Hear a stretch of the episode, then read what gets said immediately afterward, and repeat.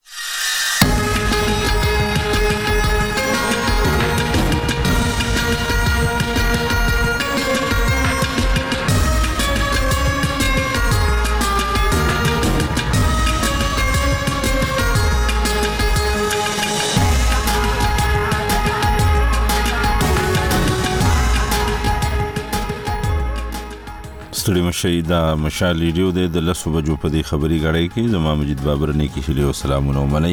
په خبرونه کې د سر موضوع په تیرا کې هغه ممکنه پوزي عملیات دي چې چارواکي وای په دغه لته کې د وسلوالو پر ضد امکان شته چې وشي د دې لوجې یو شمیر کسانو خپل کورنۍ پریخي دي د دې ترڅنګ یو شمېر نور کورنۍ او سیمېز مطالب را سره شته د خبرونه پرسته نیمه کې درته د مشال مرکو ونی د خبرونه لرو او که تر پای را سره مل پاتې شي دا هر څه به ووري خو له هر څه مخکې خبرونه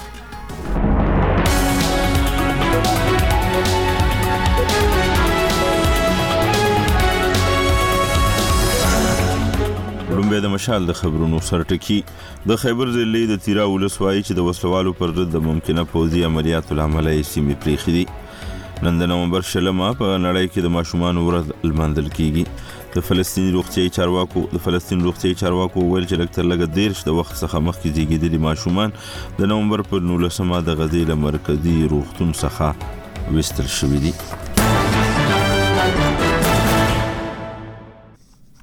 اوس د مشال د خبرونو تفصیل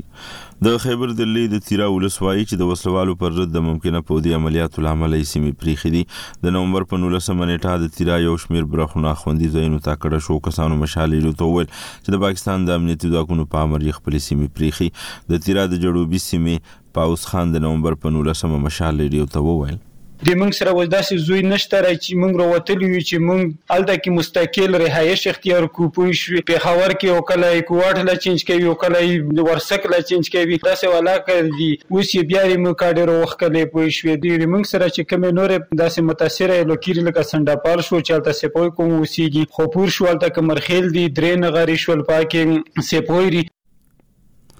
تر دا مهال حکومت نه دی ویلي چې دا عملیات د چا پر ضد به کله شروع کوي خو په خیبر کې میش د ملیشي ځواک د تیرا رایفل یو چارواکي د نوم نه خودلو په شرط مشال ریډیو ته ویلي چې پوز هلته د تیرا په لری پرتو برخو کې د وسلوالو پر ضد عملیات کول غواړي د په خبره دا بزمکني او هوایي عملیات وي او د وسلوالو پټنځایونه به په نخښه کیږي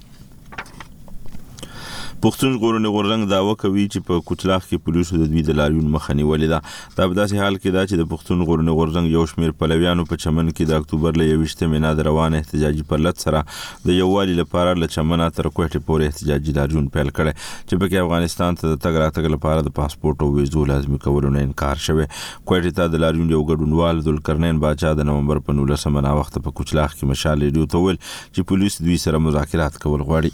چې کله کشلاغ ته راورسېدل نو دوی بیخي لار بنده کړې وله او په ځینو ځایو کې سیمخاردارونه د دا کشلاغ د پاټکو پر لګولې وله نو بیا دوی وویل ښه چې مثال انتظامیه وویل چې موږ مثال مذاکرات در سره کوو د چمن د پرلت په اړوند باندې موږ ورته وویل چې موږ د چمن پرلت حمایت کړی دی موږ خو د کمیټۍ برخه نه یو. لاریونوال د چمن پر پوله د تګ راتګ لپاره د پاسپورټ او ویدې شرط پر ضد دي، له پاکستانه د بیاسناده افغان کډوالو ایستل غندي او غوښتنه کوي چې حکومت دې د پارلمان د پخواني غړي علي ودیر په ګډون د غورځنګ اته مخکښ غړي او فعالان خوشي کړي. پرون د نومبر په 19مه په کراچۍ کې د نرخديانو اتحادیې د مورت مارچ په نوم غونډه وکړه په دغه غونډه کې ګڼ شمېر نرخديانو مدني فعالانو ګډون وکړو دوی وايي، په ټولنه کې د مساوي حقونو، په وراثت کې د برخې، په ټولنه کې د کار او یو شمېر نورو حقونو د غوښتو لپاره دا مورث مارش په کال دوه زره دوویشت میلادي کال کې پیل شوی و او اوس دوی هر کال دا ورځ لمانځي. د دغه مورث مارش پر مهال یو نرښځي روپا مشال رېډیو ته وویل. زمونږ حکومت سره درخواست دی چې پلیز هیلپ مي چې مونږ هم انسانان یو زمونږ هم د چا رور یو د چا خور یو د چا منګه اولاد یو چې موږ باندې تشدد کیږي ګوره تبال انسان دی زمنګ په شان دی خواجه تران هر چا کور کې پیدا کې دی شي موږ د الله طرف نه پیدا شو یو موږ په خپل شوق نه یو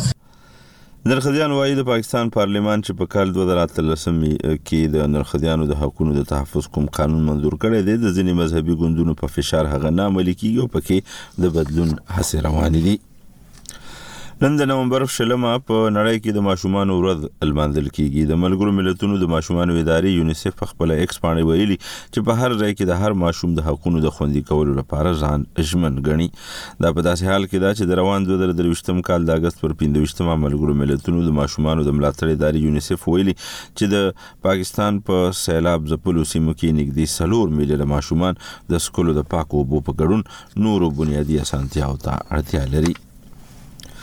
د فلسطین روغتیايي چارواکو وویل چې لږ تر لږه دیرش د وخت څخه مخکې زیږیدلي ماشومان د نومبر په نولسمه د غزې له مرکزي روغتون څخه ایستل شوي او مصر ته به لیږدول کیږي د نړیوال روغتیا سازمان یوه ډله چې د نومبر په اتلسمه یې د روغتون دوره وکړه وویل د غزې تر ټولو لوی روغتون کې 291 ناروغان اوس هم پاتې دي د دوی په خبره په پاتې شو کې داسې 22 ماشومان شامل دي چې په خورا نازک حالت کې دي او نور هغه چې صدماتو ځپلي ناروغان چې سخت جوړ زخمونه لري او نور داسې دي چې د ملا د ټپونو لوجې د حرکت توان نه لري د دغه وزارت ویاند مدحت عباس د 13 ماشومانو استل تایید کړي دي روسته خبر د لوبو په اړه استرالیا له هند نه د کرکټ د 50 اوري د نړیوال جام فائنل لوبه وګټله او د 2023م کال د 50 اورونو د نړیوال جام اتل شو استرالیا د سلور لوبغاړو په سوځیدو په سلور سلويخت اورونو کې د هند لخوا د 201 سلويخت منډو ټاکلې هدف پوره کړو او د دې نړیوال کپ د فائنل لوبې په ګټلو سره د شپږم ځل لپاره نړیواله تلولي خپل کړه تر اوسه په ترسره شوو دیارلسو نړیوال جامونو کې آسټرالیا شپږ، هند او ویسټ انډیز دوه دوه او پاکستان، سریلانکا او انګلستان بیا یو یو انګلستان بیا یو یو ځل د اتلولي ترلاسه کړې. د مشال د خبرونو پای.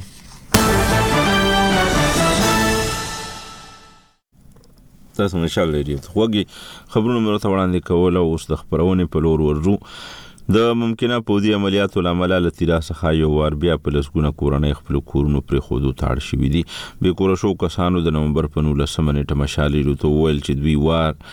چې دوی چې په دویم وار هم به کور شو لو تر اوسه ورته حکومتي مرستې نه دي رسیدلي د خیبر ضلع د تیرا رایفل یو چارواکي د نوم نه خبرو په شرط ویل چې دا عملیات به د تیرا په لورو پروتوکولو کې د وسلوالو پر ضد کیږي او ځمکني او هوایي عملیات پکې هم شامل دي په دې اړه تفصیل فرهاد شینواری نور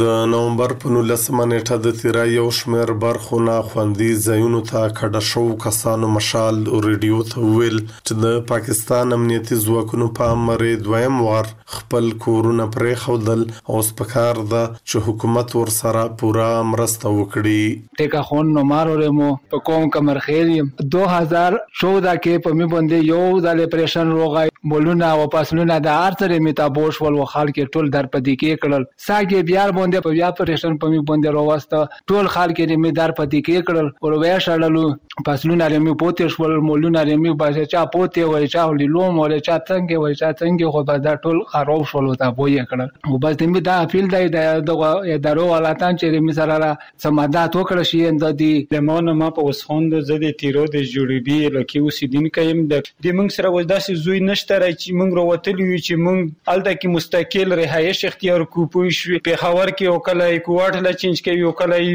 ورسک لا چینج کوي داسې والا که دي اوس یی بیا ری مونږ کا ډیرو وخت کلی پوه شوي د ری مونږ سره چی کومې نورې داسې متاثر علکي ری لکه سنډه پال شو چی هلته سپوی کوم اوسیږي خو پور شو هلته کمرخیل دي درې نغری شول پاکې سپويري بغيارم شولو پاکي زخاخيل اکوخيل او کمرخيل مشترکه توربوندي اوسيږي دغسي ډروټارو پاکي هم سپوي او اکوخيل اوسيږي دهغي نه علاوه دي مونږ چي کوم مال موي شولو دي ديمري مونږ ډير غټ تاون وشولو او شورو ري اوکيږي. په خيبر ضلع کې مېشت د ملېشې ځواک د تیرا رایفلز یوه چارواکي خپل نوم نه خپرولو په شرط د نومبر په نولسمه نېټه مشال رېډیو ته ووېل چې پوځ هلته د تیرا په لرې پرتو برخو کې د وسله والو پر ضد عملیات کول غواړي او دا به ځمکي او هوایي دواړه ډول عملیات وي او د وسله والو پټنځایونه به په نښه کوي. او دا عملیات به په کمرخېلو، سپاه، زخخېلو او کاخېلو کې په لرې پرتو کلیو کې ترسره کړي.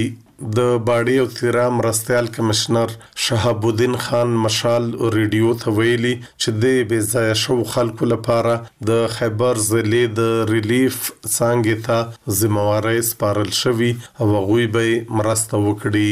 د تیرا په لرې پرتو برخو کې دا عملیات په داسې حال کې ترسره کیږي چې د نومبر په شپږمه نیټه هلته په تیرا کې د وسله والو په یوه برید کې د پاکستان د پوځ یو لیفټننټ کرنل او درې عسکر وژل شوي وو. په خیبر ضلع کې په تېره یوه لسیزه کې د وسله والو ډلو پر ضد په بیا بیا عملیات شوي، خو په دوه زره او شپاړس کې بیا پوځ ادعا وکړه چې دغه ټوله سیمه یې تر خپل کنټرول لاندې کړې او وسله والو نه یې پاکه کړې. د تیرا او باړې ولسي وګړي وایي چې هلته دوه زره او اوولسم نه تر دوه زره او یوویشتم اخېره پورې امن بحال و، خو بیا په دوه زره او دوه ویشتم او دې روان کال دوه زره او درویشتم کې پکې بدامني یو وار بیا زیاته شوه. د هدفي وژنو او خلکو نه د کلنګونو اخیستو لړۍ پکې تېزه شوه. تیرا دره د خیبر پښتونخوا سر ښار پېښور نه په خوا او شا سل کیلومتره فاصله باندې د افغانستان ننګرهار ولایت سره لګېدلې ځنګلونو او غرونو ډکه سیمه ده او پولې یې اورکزو او کورمې سره هم لګېدلي. فرهاد شینواری، مشال ریډیو، خیبر.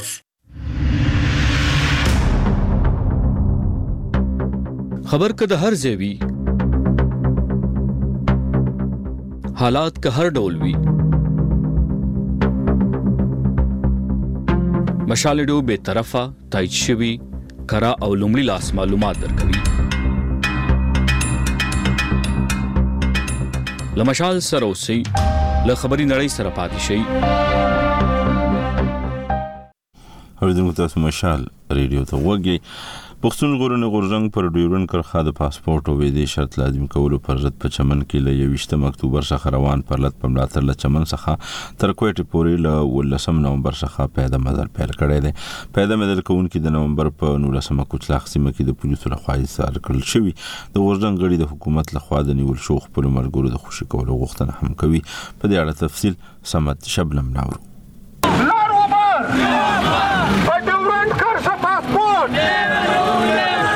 پښتون ژغورین غورځنګ د نومبر پر ولسمه له چمن څخه تر کوټ پورې پیاده مزل روان کړی چې د دوو پړاوونو وروسته پر نولسم نومبر کوټ ته نږدې کوچلاخ سیمه کې د پولیسو لخوا ایسار کړل شول. په دې اړه په پیاده مزل کې شریک او د غورځنګ مخکښ ذوالقرنین باچا مشالیډو ته وویل. زموږ لانګ مارچ چې د کوچلاغ پورې ګام پر ګام باندې رکاوټونه ول، نو بیا چې کله کوچلاغ ته راورسېدل نو دوی بیخي لار بنده کړې وله او په ځینو ځایو کې سیمخاردارونه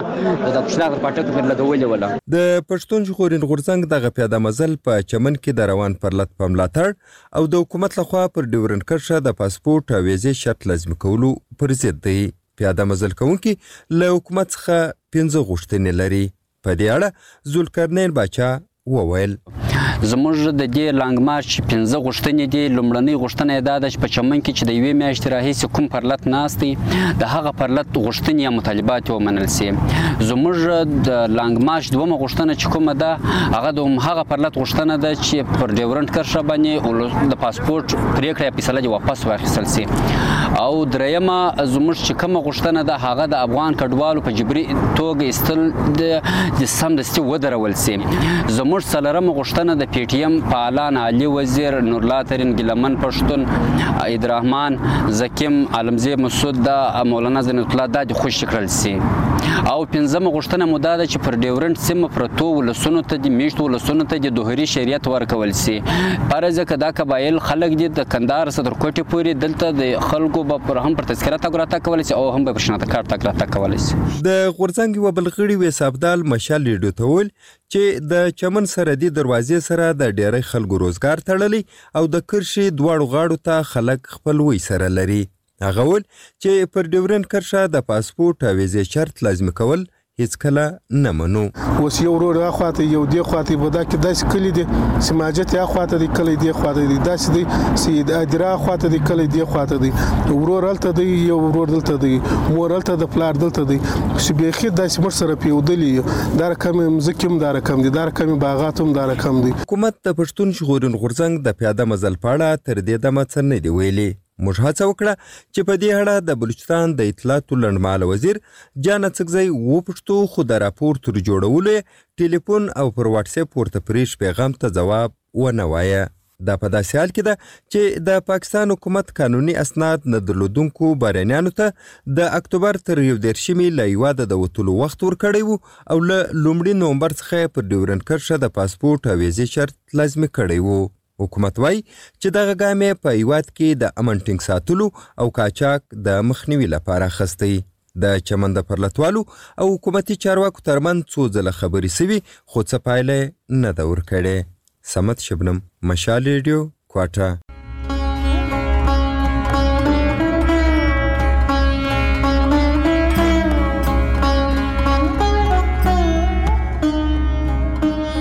مشال راډیو،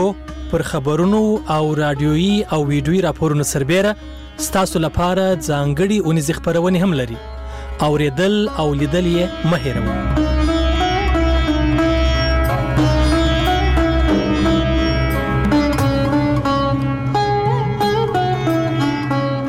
تاسو مشال ریډیو ته وګورئ دا مهال په چمن، انګورډه او نورو سرحدي لارو باندې افغانستان ته د تګ راتګ او تجارت لپاره د پاسپورټ او ویزو لادمي کولو د پاکستاني تګلارې پر ضد احتجاجونه روان دي، خو په پېښور کې یو سوداګر وايي چې د سبا نه پاکستاني چارواکو افغان ډرایورانو ته هم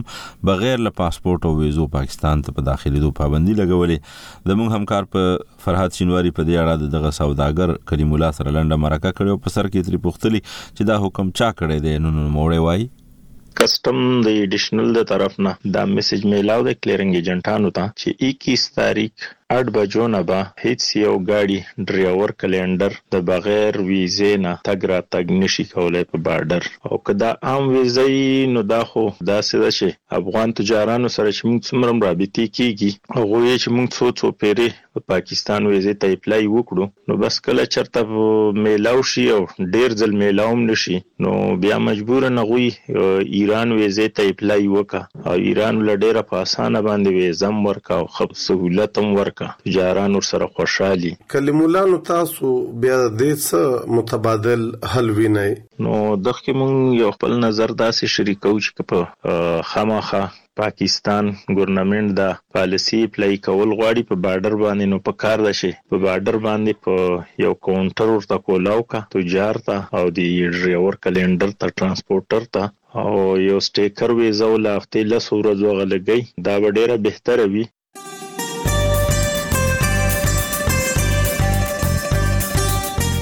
د مشال رادیو د دوشنبه یا ګل ورځې اونیزې خبرونه د مشال مرکه په لسنیمو بجو د مشال پنوم په یو بجه د مشال رادیویی مجله په دونیمو بجو پښتونخوا کلی په کلی په دریو بجو سندرې جادوګرې په سلور نیمو بجو روغتیا او درملنه په پنځو بجو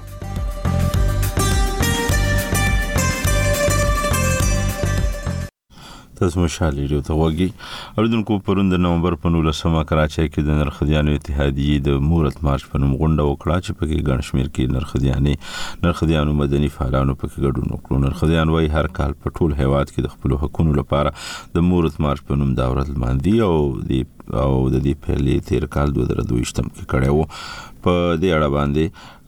زموږ همکار نیاز علي خان دا راپور لګل د نومبر په 19مه په کراچۍ کې نرخزیانو په فیریر حال کې د مورت مارچ په نوم غونډه وکړه چې په ګڼ شمیر کې نرخزیانو ترڅنګ مدني فعالانو پکې هم ګډون وکړو نرخزیانو ویل په سرکاري او شخصي ادارو کې په نوکرو او زده کړو کې دوی ته د هغه کوټه ورکړې شي کومه چې ورسره سرکار منلې ده د مورت مارچ په وخت د نرخزیانو اتحادیې یوې مشرې روپا ناز بیا مشال لیډیو ته وویل، موږ د ازاد ژوند او په ټولنه کې مساوي حقونه غواړو. زموږ حکومت سره درخواست دی چې پلیز هیلپ مي چې موږ هم انسانان یو، زموږ هم د چا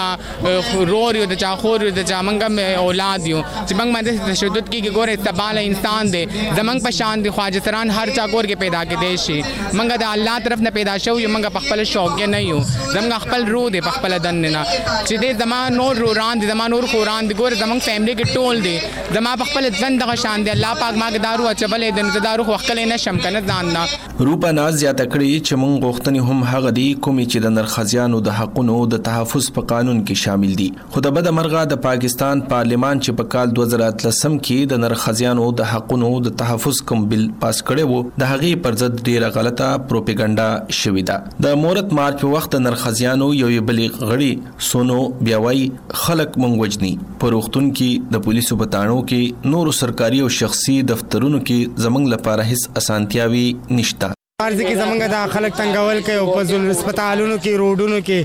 او ټول خلک ځان له ځان کوي خزي خزي سړی سړی مونږ ژاګانو نو زمونږ د پاره یو دغه احتجاج درو نن دا مورز مار په دې کې زمونږ شرکت ته بس چې مونږ ته اسانه جوړ شي ماته زمونږ دغه درخواست چې مونږ له خیال وساتي مونږ ته سپورټ وکي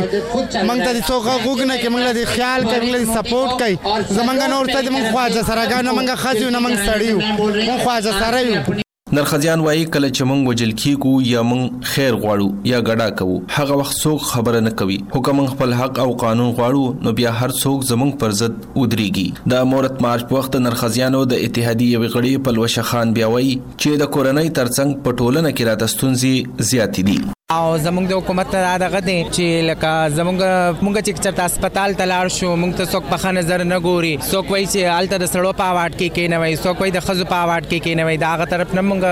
مونږ ته پریشانی ده او بس د کور د طرف نه خو ټینشن هغه خو زه خیر دی هغه هم په هر طرف حل کولای شو نرښځيانو ويل د هېواد او په خصوصي توګه په خيبر پښتونخوا کې د سلو نه زيات نرښځيان وژل شوي دي خو تر اوسه يو ککړ تن ته هم سزا نه ده ورکړې شوې. نرښځيانو په کراچۍ کې د مورت مارچ په نوم دا دويمه غونډه کړې ده او وايي چې هر کال به هم په دې روځې په هېواد کې خپل د حقونو لپاره غږ پورته کوي. په کراچۍ کې نرښځيانو د مورت مارچ په نوم دا دستوره په داسې حال کې کړې چې د پاکستان پارلمان په کال دوه زره اتلسم کې د نرښځيانو د حقونو د تحفظ قانون منظور کړی و چې پکې نرښځيانو ته د تعليم، وراثت او ملازمت په شمول ځينې بنيادي حقونه ورکړې شوي دي خو بيا په کال دوه زره یوویشتم کې د مذهبي جماعتونو ځينې پارلماني غړو دغه قانون ځنی برخې د شریعت په ضد بللې وې او په دې کې د بدلون غوښتنه کړې وه او بیا اسلامي نظریاتي کونسل هم د مذهبي جماعتونو د دغه رای تایید کړی وو. د یاد قانون په اړه وفاقي شرعي عدالت ته هم خواست شوی وو او وفاقي شرعي عدالت په دوه زره دوه ویشت کال کې په خپله پریکړه کښې د نرښځیانو د جنس بدلولو قانون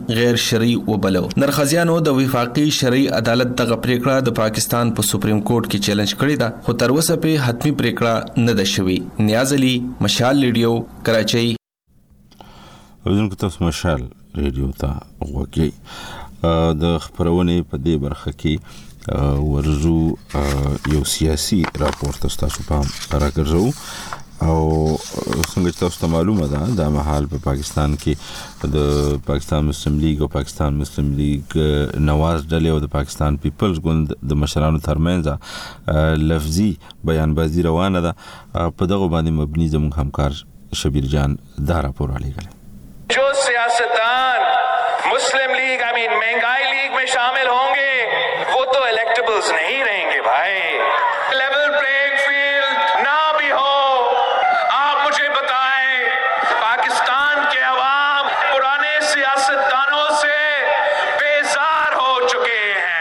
دا اوازونه د پیپلز ګوند شرک چیرمن بلاول بټو زرداری دي چې دا وخت راتلونکو ټاکنو کمپاین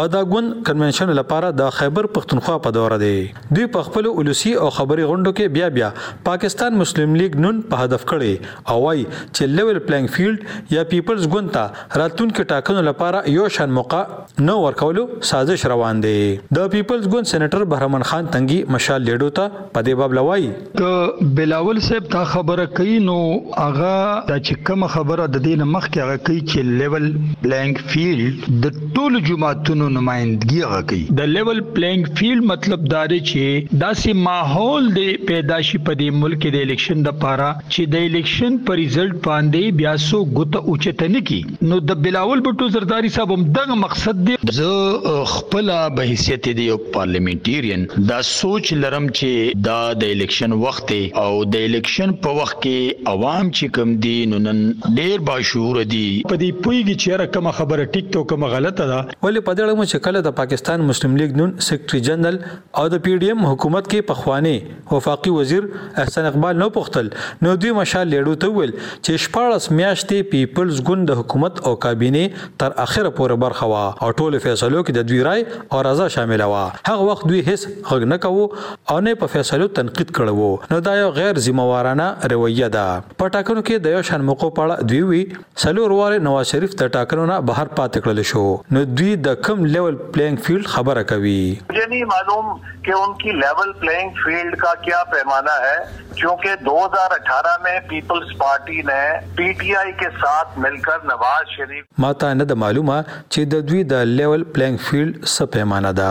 ځکه دوه زره اتلس کې پیپلز ګوند پاکستان تحریک انصاف سره په ملتیا نواز شریف د پاناما دروغ مقدمو کې الیکشن لپاره نا اهله کړی وو. تیرو څلورو الیکشنو کې نواز شریف صاحب دریو الیکشنو کې د سازشونو د لارې بهر پاتې کړی شوی وو. انتقام نښه خو مسلم لیګ نون او نواز شریف پاتې شوی دی او که اوس نواز شریف صاحب ته انصاف ملاویږي دا د هغوی حق دی. انتقام کا نشانه تو مسلم لیګ نون اور نواز شریف بنتے رهه هې اور اګر نواز شریف صاحب کو انصاف ملېګا تو یې ان کا حق هې. ولې د دواړو ګوندونو په یو بل د تورونو په اړه مو چې کله په پېښور کې خبریال او شنونکي له حاضرلي نه وپوښتل نو دوی مشال لېړو ته وویل چې انتخاباتي عمل کې سیاسي ګوندونه هم دا ډول په یو بل تورونه لګوي او وروسته بیا یو ځای کېني. ګوره انتخابي عمل کې د سیاسي جماعتونو اهداف د اتحادي جماعتونو په حیثیت چې په تېر وخت کې پاتې شوي د هغې نه بدل وي او په هر انتخابي عمل کې د بده مرغه په پاکستاني تاریخ کې یو کینګ پارټی وی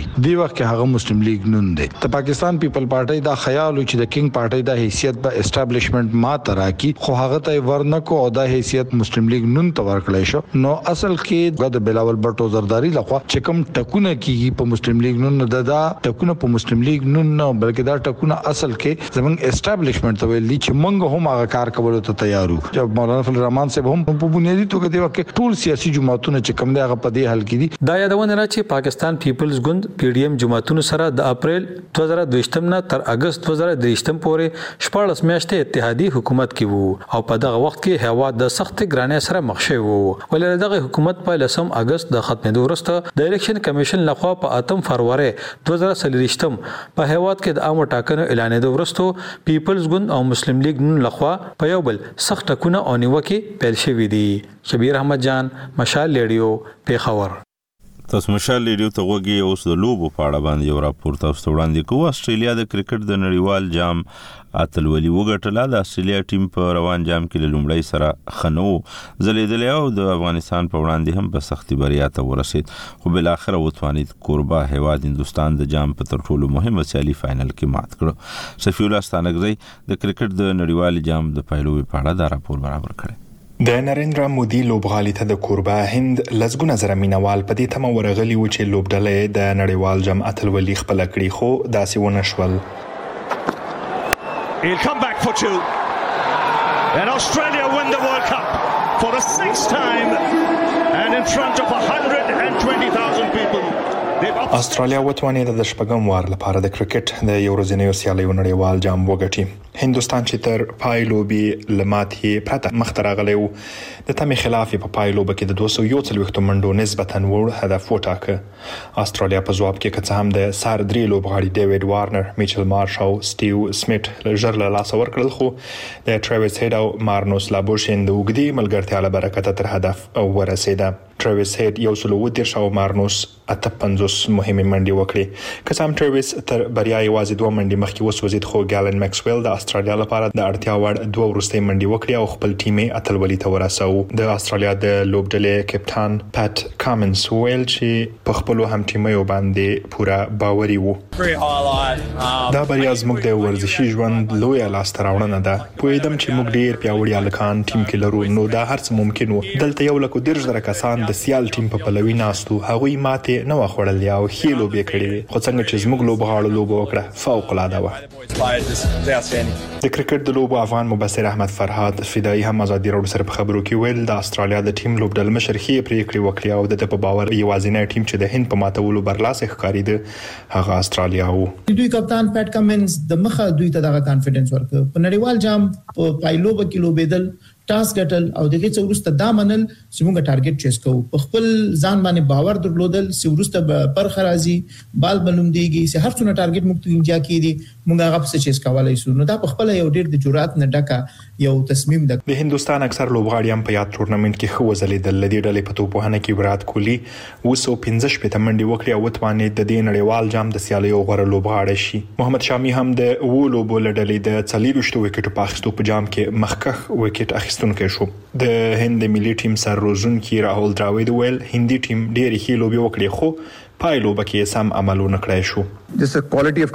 په کوم کیفیت چې موږ دې ټورنمنټ کې کرکټ وکړ، فکر کوم استثنا یو. یوازې په پای لوبه کې موږ ښه عمل ونه کړای شو. استرالیا ته مبارکي وایم، هغوی له موږ ښه وو. استرالیا په دې اتلولي سره د خپلو نړیوالو جامونو شمېر شپږو ته ورساوه، دغه ټیم په نولس سوه او اتیا یم، نولس سوه او نهه نوي یم، دوه زره درې یم، دوه زره اووه یم او دوه زره پنځلس م کلونو کې هم د کرکټ د یو ورځنیو لوبو نړیوال جامونه ګټلي دي. تاسو مشال ریډیو ته وګي او اوس درته د لسنیو بجو خبرونه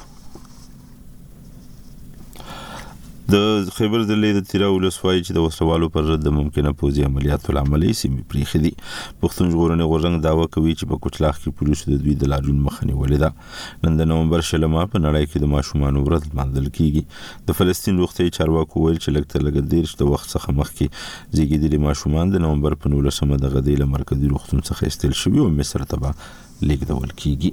او اوس اوریدونکو د مشال مرکي ونی د خبرونه وخت راغلی دی زموږ همکار ګولیاز هرونه د یو وتلی شخصیت سره دا مرکه جوړوي په دې روانه خبرونه کې ډاکټر عرفان الله سره خبرې شوې نو راځي چې وورو د مشال مرکه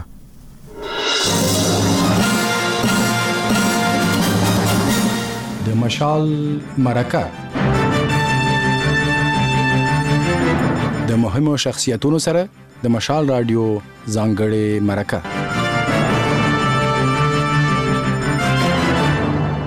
د مشال راډیو درنو اورېدونکو په مشال مرکه کې ستاسو کوربه ګل ایاز یم څنګه تاسو ته معلومه ده په مشال مرکه کې موږ د پښتنو د سیمې وتلي شخصیاتو سره خبرې کوو د هغوی د ژوند د کار مبارزې په اړه د هغوی له خولې نه اورو نو نن راسره په خبرونه کې یو داسې د پښتنو د سیمې یو شخصیت دی چې تاسو زمنګ په هر ونی روغتیا او درملنه خبرونه کې اوري او د هغې مشورې اوري ډاکټر عرفان الله صاحب راسره مېلمه دی. ډاکټر صاحب تاسو ته په پروګرام کې هرکلی وایو. اسلام علیکم ډیره مننه او ارزان اوریدونکو ته هم هرکلی وایم. ډاکټر صاحب موږ اکثر زموږ ټول اوریدونکو ستاسو نوم سره آشنا دي او پوهه دي او هر ونې تاسو اوري هم خو ستاسو د ژوند نه ډېر کم خلک خبر دي چې د ډاکټر سره سره تاسو ډېر کارونه کوئ، ډېرې مبارزې هم کړې دي او روانې هم دي. خو که لږ اورېدونکو ته ووایئ چې تاسو کوم ځای کې زېږېدلې وئ او لومړۍ زده کړې مو کوم ځای نه کړې وي؟ ډېره مننه ګلایار صاحب، نوم خو زما محمد عرفان الله دی. په خټه باندې خلیل مومند یم. ښه. پېښور سره د کوارټ روډ باندې بډبېرې کلي سره نږدې د معشوقه ګاه کلی دی. ښه. بډبېره چې دا موږ نه وروسته اباده شوې ده، زموږ دا کلی چې دی دا تقریبا د پنځه ویشت تر شلو کالو تاریخ لري، معشوقه ګر. ښه. دا معشوقه ګر که نه؟ معشوقه ګر. دا مومند چې کوم دلته پېښور کې دی، او زموږ څلور سب ټرایب دی هغه داودزی دی خلیل دی او چمکنی چې دی دا ټول زموږ د دې کلی نه وتلی دي زموږ په مشرانو کې زموږ کور چې دا علمي دی زموږ یو نیکه چې هغه انګلیش آرمي کې کرنل وو او زموږ والد صاحب چې دا سکول استاد او بیا تلو تلو اخر کې ډایرکټر ایجوکیشن ریټایر شو ښه مونږ وروڼه یو ښه نو مشرې ورور چې هغه ډایریکټر ناردرن زون امیګریشن ریټایر شو ورپسې چې و هغه کالج پرنسپل ریټایر شو ورپسې چې دی هغه ډاکټر دی ښه بیا ورپسې چې کوم دی هغه بزنسمن دی بیا زه یم زه ډاکټر یم راځم خپل ځان ته او زه غواړم چې دا اوریدونکو سره هم دا غني چې دا څوک دی ولې دی او بالکل دا خبره خو ده زمانه زمانه کشته ورو چې هغه تاسو دوست تاسو پیژنې محمد عمران نوم دی هغه نن سبا ډایرکټر جنرال د اطلاعات دا د انفارمیشن بالکل او دینه علاوه زموږ شپږ بچیان دي ها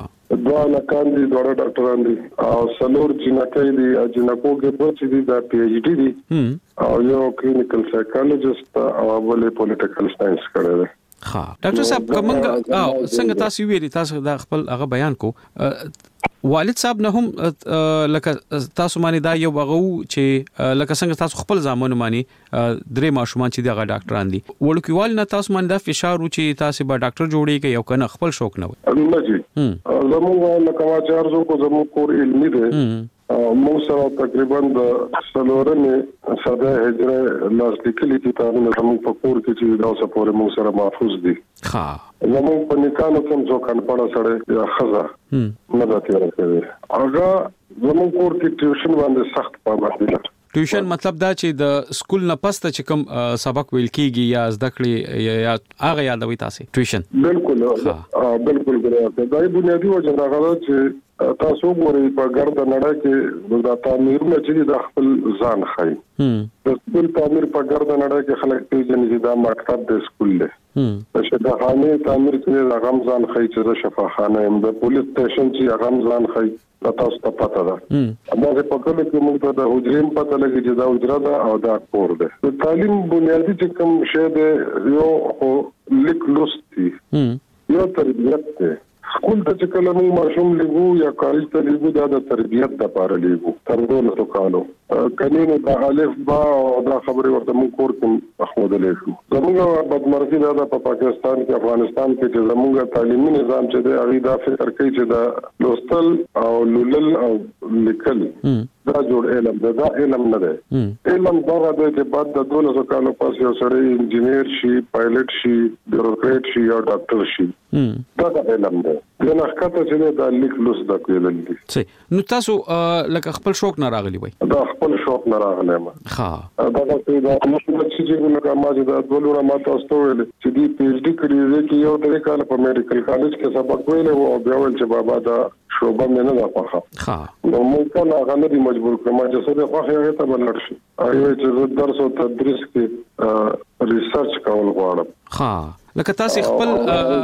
خپل ماشوم ته دا غ ورکو یو خوخه چې تاسو سره جوړیدل غواړي نو هغه کول او دا زه د ټولو پښتنو نم هله لرم چې هغه په بچو باندې هر سړی دې نه ډاکټر کې کټول ډاکټران شي مریض به کم ځای کی او کټول انجینیر شي نو مزدور به کم ځای کی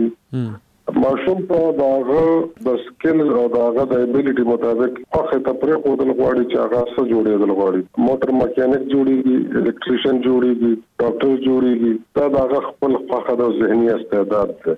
موږ په ماشوم باندې دا شيان په زور ورتمبو، نو د هغې نتيجه دا وي چې زموږ ماشومان چې وي دا نااهله پاتې شي او که جاب ورته ميلاو شي يا کوم تعليم چې حاصل کړي نو هلته کې هغه بيا مس فټ وي، ځايېږي نه په هغه شعبه کې. صحیح ډاکټر صاحب خبرې ډېرې دي او لکه زه خپل د مشران او چې کوم زمنګ په دې خبرونه کې مشران راضي غو نه دا یو پښتنه خامخا کومه یو تاسو کوم وګورو یو علمی کورنۍ سره تعلق لري ټول رونه مو هم او مشران هم خو دا پښتنه دا سیدا چې زه اکثر د مشران نو کوم ناوي دا یو ګرانه پښتنه ده د یو کتاب چې تاسو وای چې را د لوستل په ژوند کې ډیر مهم دی او تاسو نور تم تجویز کوي چې دا کتاب لوستل چې دي دا ډیر مهم دوه کتاب دي دوه کتاب دي یو قران پاک دی چې زه کله د اته پنځوس کالو شم نو بیا زه پوه شوم چې دا قران مونږ ته سوي او دیم کتاب چې دی دا چې زما خوښ شوی دی نو دا د پیغمبر علی السلام سیرت باندې لیکل شوی او هغه په ټوله دنیا کې ګولډ مډال اخیسته د انډیا یو استاذ هغه لیکلی وو. الرحیم المکتوم د هغه نوم دی. الرحیم المکتوم. الرحیم المکتوم. ښه. دا کتاب ګل ایاز صاحب که تاسو وګورئ که زموږ د چې کوم بورډ اف ګورنرز دا هلته دي که د دنیا په ټولو ژبو کې دا ترجمه شوی دی. ښه. او د هغې لپاره شرط دا و چې دا داسې وي چې د پیغمبر اسلام د ژوند یو ثانیه هم پکې پټه نه وي او هر شی سړي ته داسې ښکاره شي لکه چې دی په ټي وي باندې ویني. هم. نو دغه کتاب چې کله ما کور ته وروړو ما چې یو څو صفحې ولوستلو نو ما سره بچي ټول په جنګ شول او چې چا وکتل نو هغه بله سره به په جګړه وه بله لور به مې د بلې سره په جګړه وه نو زه بېرته پېښور ته لاړم او ما د هغې اته نسخې راوړې او دې کې هېڅ مبالغه نشته دی چې دا موږ په درې شپو کې بچو او ما په خپله دا موږ ولوستل او کومه ورځ چې دا ختم شولو نو موږ د یو بل د حاله نو خبرو زموږ سترګو نه اوښکې روانې وې او ژړېدل نو دا دوه هغه کتابه دي چې دوی زما په ژوند باندې ډېر لوی اثرات دي او زه هر چا ته وایم چې دې ته توجه وکړي. صحیح ډاکټر عرفان الله صاحب خبرې اترې به جاري ساتو او د مشال رېډیو درنودونکو اوس یو ورکشن دمالو او د دمې رستو ډاکټر عرفان صاحب سره به خبرو ته ادامه ورکو.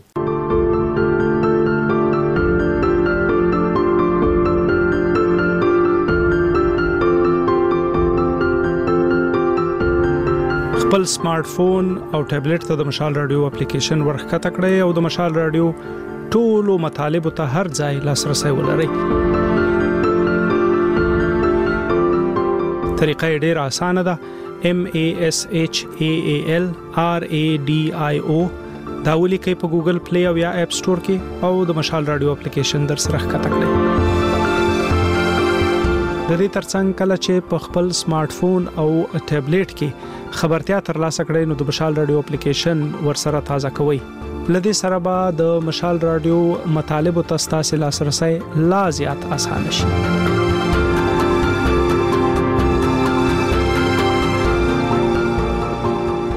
د دمه نه پسته ډاکټر عرفان الله صاحب سره خبرو ته ادامه ورکو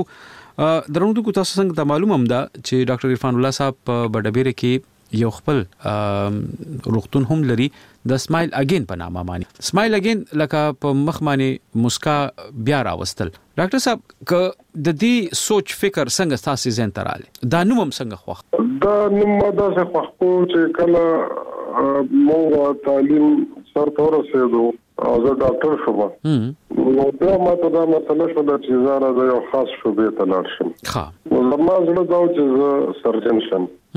په دغه دوران کې د افغانستان جهاد یا جګړه چې وه دا ډیره په زور وه دغه خلک ټول په ډیپریشن کې مبتلا وو او عام عادي ډاکټران زموږ د پاکستان ډاکټران دی په دې نه پوهېدل چې ډیپریشن څه شی دی بایپولر ډیسارډر څه شی دی سکیزوفرینیا څه شی دی توکل مې سټریټ کې ده نو دا خو سلام ارادتا مې په جزو سایکایټري ته لړ شم کله چې ما په سایکایټري کې بیا په یونیورسيټي اف پنجاب هیلث ساينسز نه ایم ډي کوله دوباره ها نو په ټول پاکستان کې په هغه وخت کې صرف دوه دیش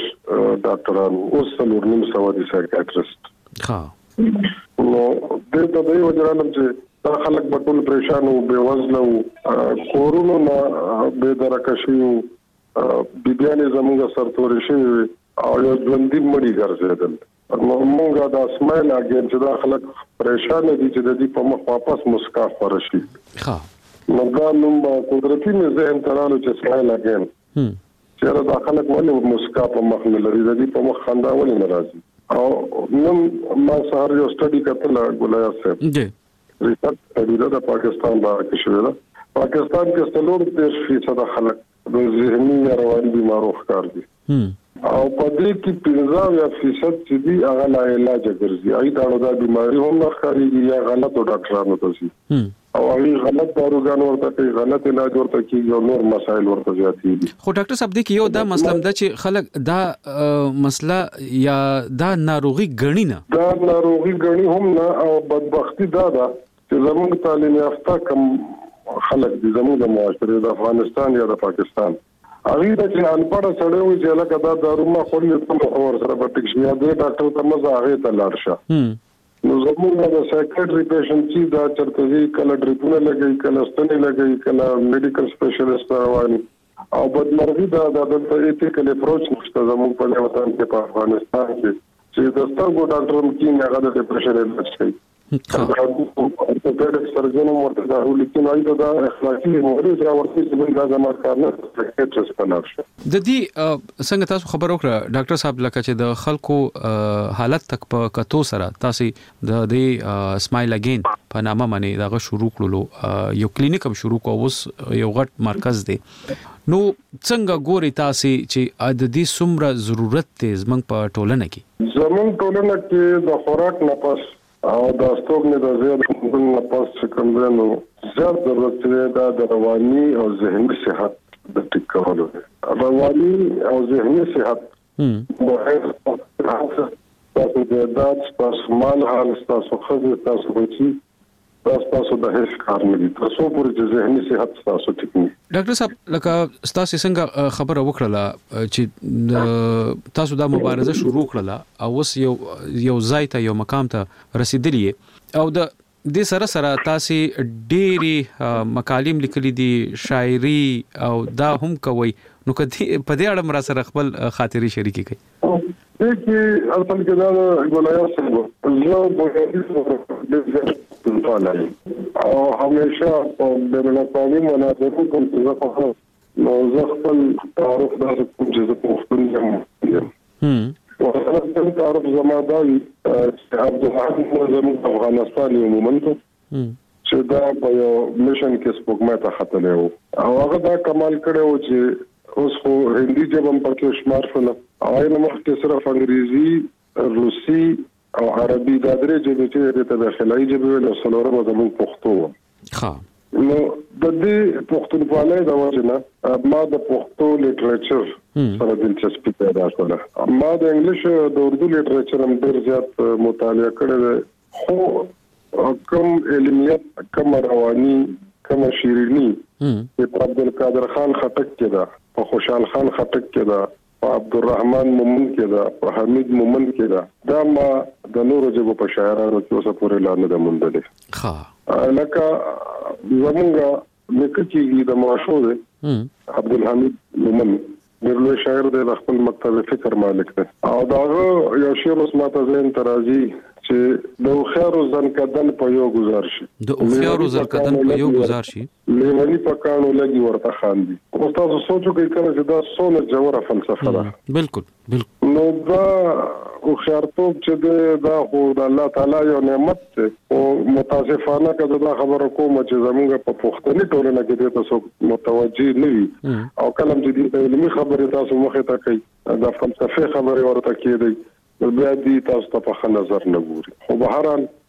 یو وخت به راشي زه پورې نه دی چې زموږ د پښتو ادب لکه د حیرانتیا وړ یو خبره تاسو ته بل وکم زه چونکه سفر هم کوم دنیا کې بالکل زه آذربایجان ته لاړم نو مال ته کدا کوشش کوم چې د دې یونیورسيټو ته لاړ شم میډیکل سکولز ته لاړ شم چې دې درس او تدریس څنګه دی طریقه کاری څنګه دی البته دې ته پته ولګي دا چې دا پښتون دی د پاکستان دی نو ایمانه تپوس وکړو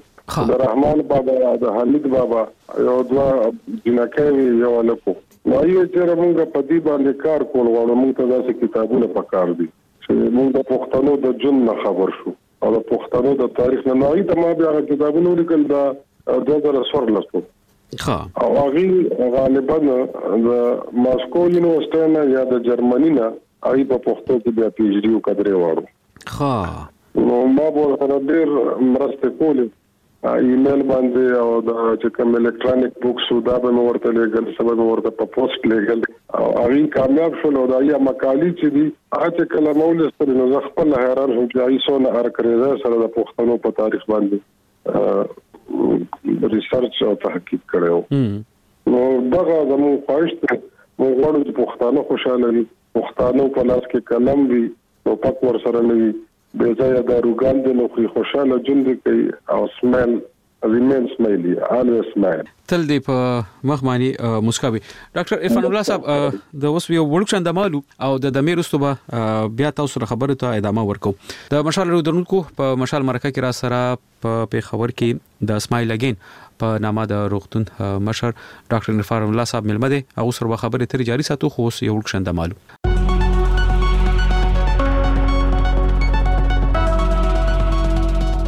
مشال راډیو هره ورځ تاسو لپاره څوارلس ساعته خپرونې کوي. زموږ همکاران ستاسو لپاره خبري غړی تاود بحثونه د میرمنو نړۍ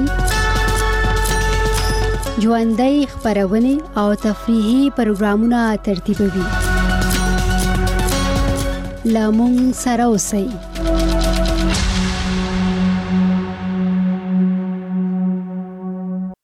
د دامیر رسول ډاکټر عرفان الله صاحب سره خبرو ته ادامه ورکو ډاکټر صاحب په دې برخه کې موږ مشرانو سره خبرې کوو څنګه ګوري تاسو تاسو خپل تعلق چې دی هغه د صحت څنګه سره دی په قبایلی علاقو کې د صحت څانګې ته څنګه ګوري تاسې او څومره کار تاسې کړی ځکه چې که موږ ګورو تاسو ته هم د قبایلی سیمو نه ډیر ناروغان راځي تاسو سره خبرې هم کوي تاسو سره تاسو سره خپل خبرې هم شریکي دا کومه د پاکستان او معاشره سره د پنجاب معاشره سره موازنه کوو نو زمونږ د پښتنو د صحت شوبه چې دا د اداري مقابل کې لس فیصده نه ده ښه او که د وړای په نظر ورته ګورو نو متاسفانه اوریدونکي دې په دې خفه نه شي دا فکر کوم چې مونږ په خورا ټول اوسه پورې د سټون ایج کې پراته یو د کړي په دور کې پراته یو مونږ اوسه پورې په دغونو پسې ګرځو مونږ په تعویزونو پسې ګرځو مونږ اوسه پورې په دغونو پسې ګرځو او مونږ اوسه پورې په خپل سرداروګان خورو نو دا یو ډېره لویه ستونزه ده چې دا پښتانه ورسره مخامخ دي او موږ کوشش او هڅې دا دي چې د دې نه ځان منع کړو. دا خلک دا داروګان ټول زهر دي او دا چې بې ترتیبه خوري نو د دې نقصان کېږي. د. تاسو سره چې کوم ناروغان راځي د بېلابېلو سیمو نه نو تاسو سره کومې کومې ستونزې شریکوي هغوی؟ عموماً چې کوم موږ ته راځي نو دا رواني ستونزې ښکار وي دا به خوب وي دي ته وسوځي دی خوراک نشي کوله دی ته مردانه کمزوري یې بچی نه کی د زړه رفتاری تیز وي ویریږي خوب نه ورځي او منفي سوچونه چې ځان مړ کی یا بل څوک مړ کی له دې سره چې کله انسان مخامخ شي د داسې ستونزو سره نو هغه ته د بدن ټول نظام چې د ناکامه پاتې شي او بیا زموږ خلک چې دي هغه کوي چې معده مې خرابه ده او ډوډۍ مې سم خوړې معده مې خرابه ده معده کې مې ستونزه ده الان کې دایي معده روغې رمټي ښه. نو هغه مونږ ورته وویل چې بچ ټیک ده مونږ له د معدې علاج شروع کړو بس ته کار ده نو هغه بیا چې راشي نو هغه خوراک هم ټیک شي هغه هاضمه هم ټیک شي هغه قبض هم ختم شي قبض د ورځې دس دقیقه باتروم ته ځي د هغې نه هم منې شي ولې د بي سي هم کنټرول شي دا هغې وې چې تا خو معده مې ټیک شو بس زه ټیک شوم او چونکه دا رواني علاج ده دي دا دوه کاله تر پنځو کاله پورې مهلک دي دا هغې ته مونږ بیا یو یا دوه دارو پرېږدو چې دا ته جاري ساته او شپږ اته میاشته کې ډاکټر ته ما ته راځي که بل تر ما کړم چې ته یې چې ما ته راشه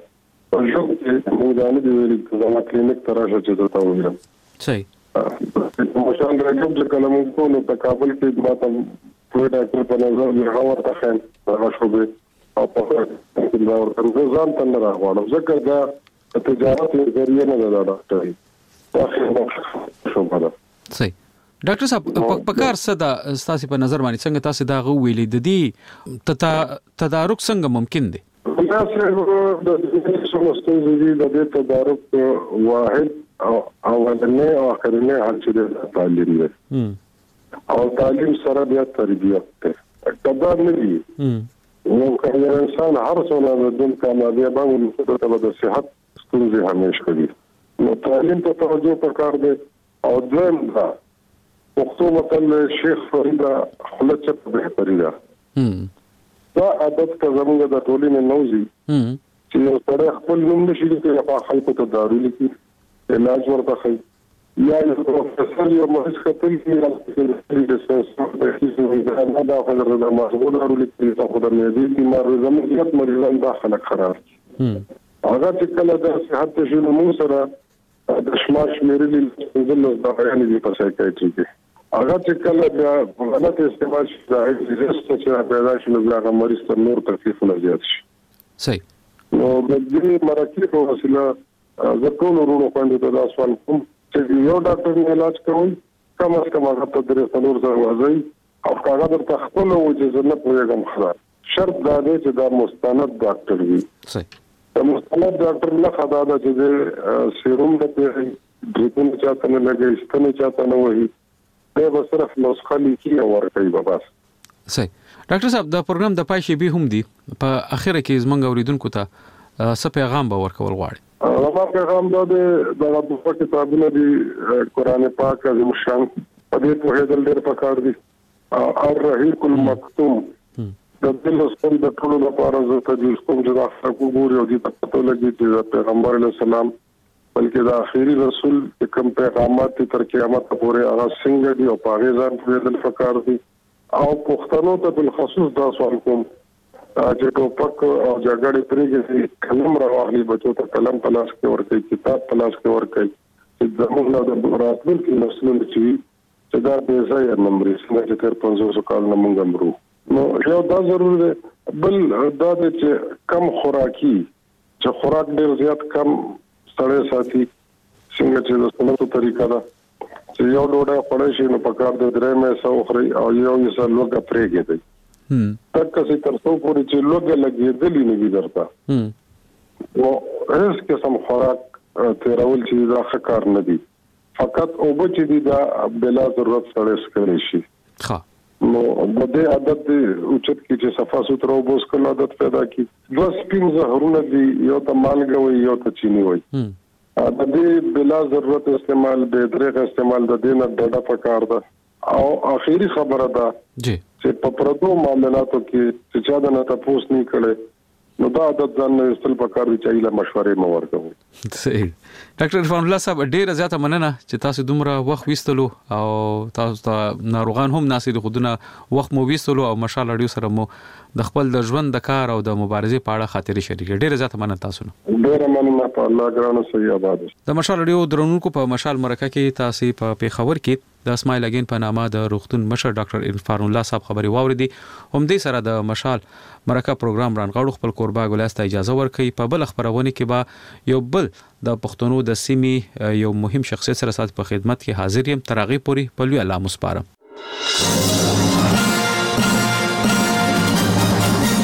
د مشال مرکه د مهمو شخصیتونو سره د مشال رادیو ځانګړې مرکه زه د دې پښتنو د عمر بیا غي نه پس په ډیسټریکټ کې مونږه تک دې کې چې کوم دې د هندوستان د هر اتوار یا یک شنبه او د هر ګل یا دوشنبه په ورځ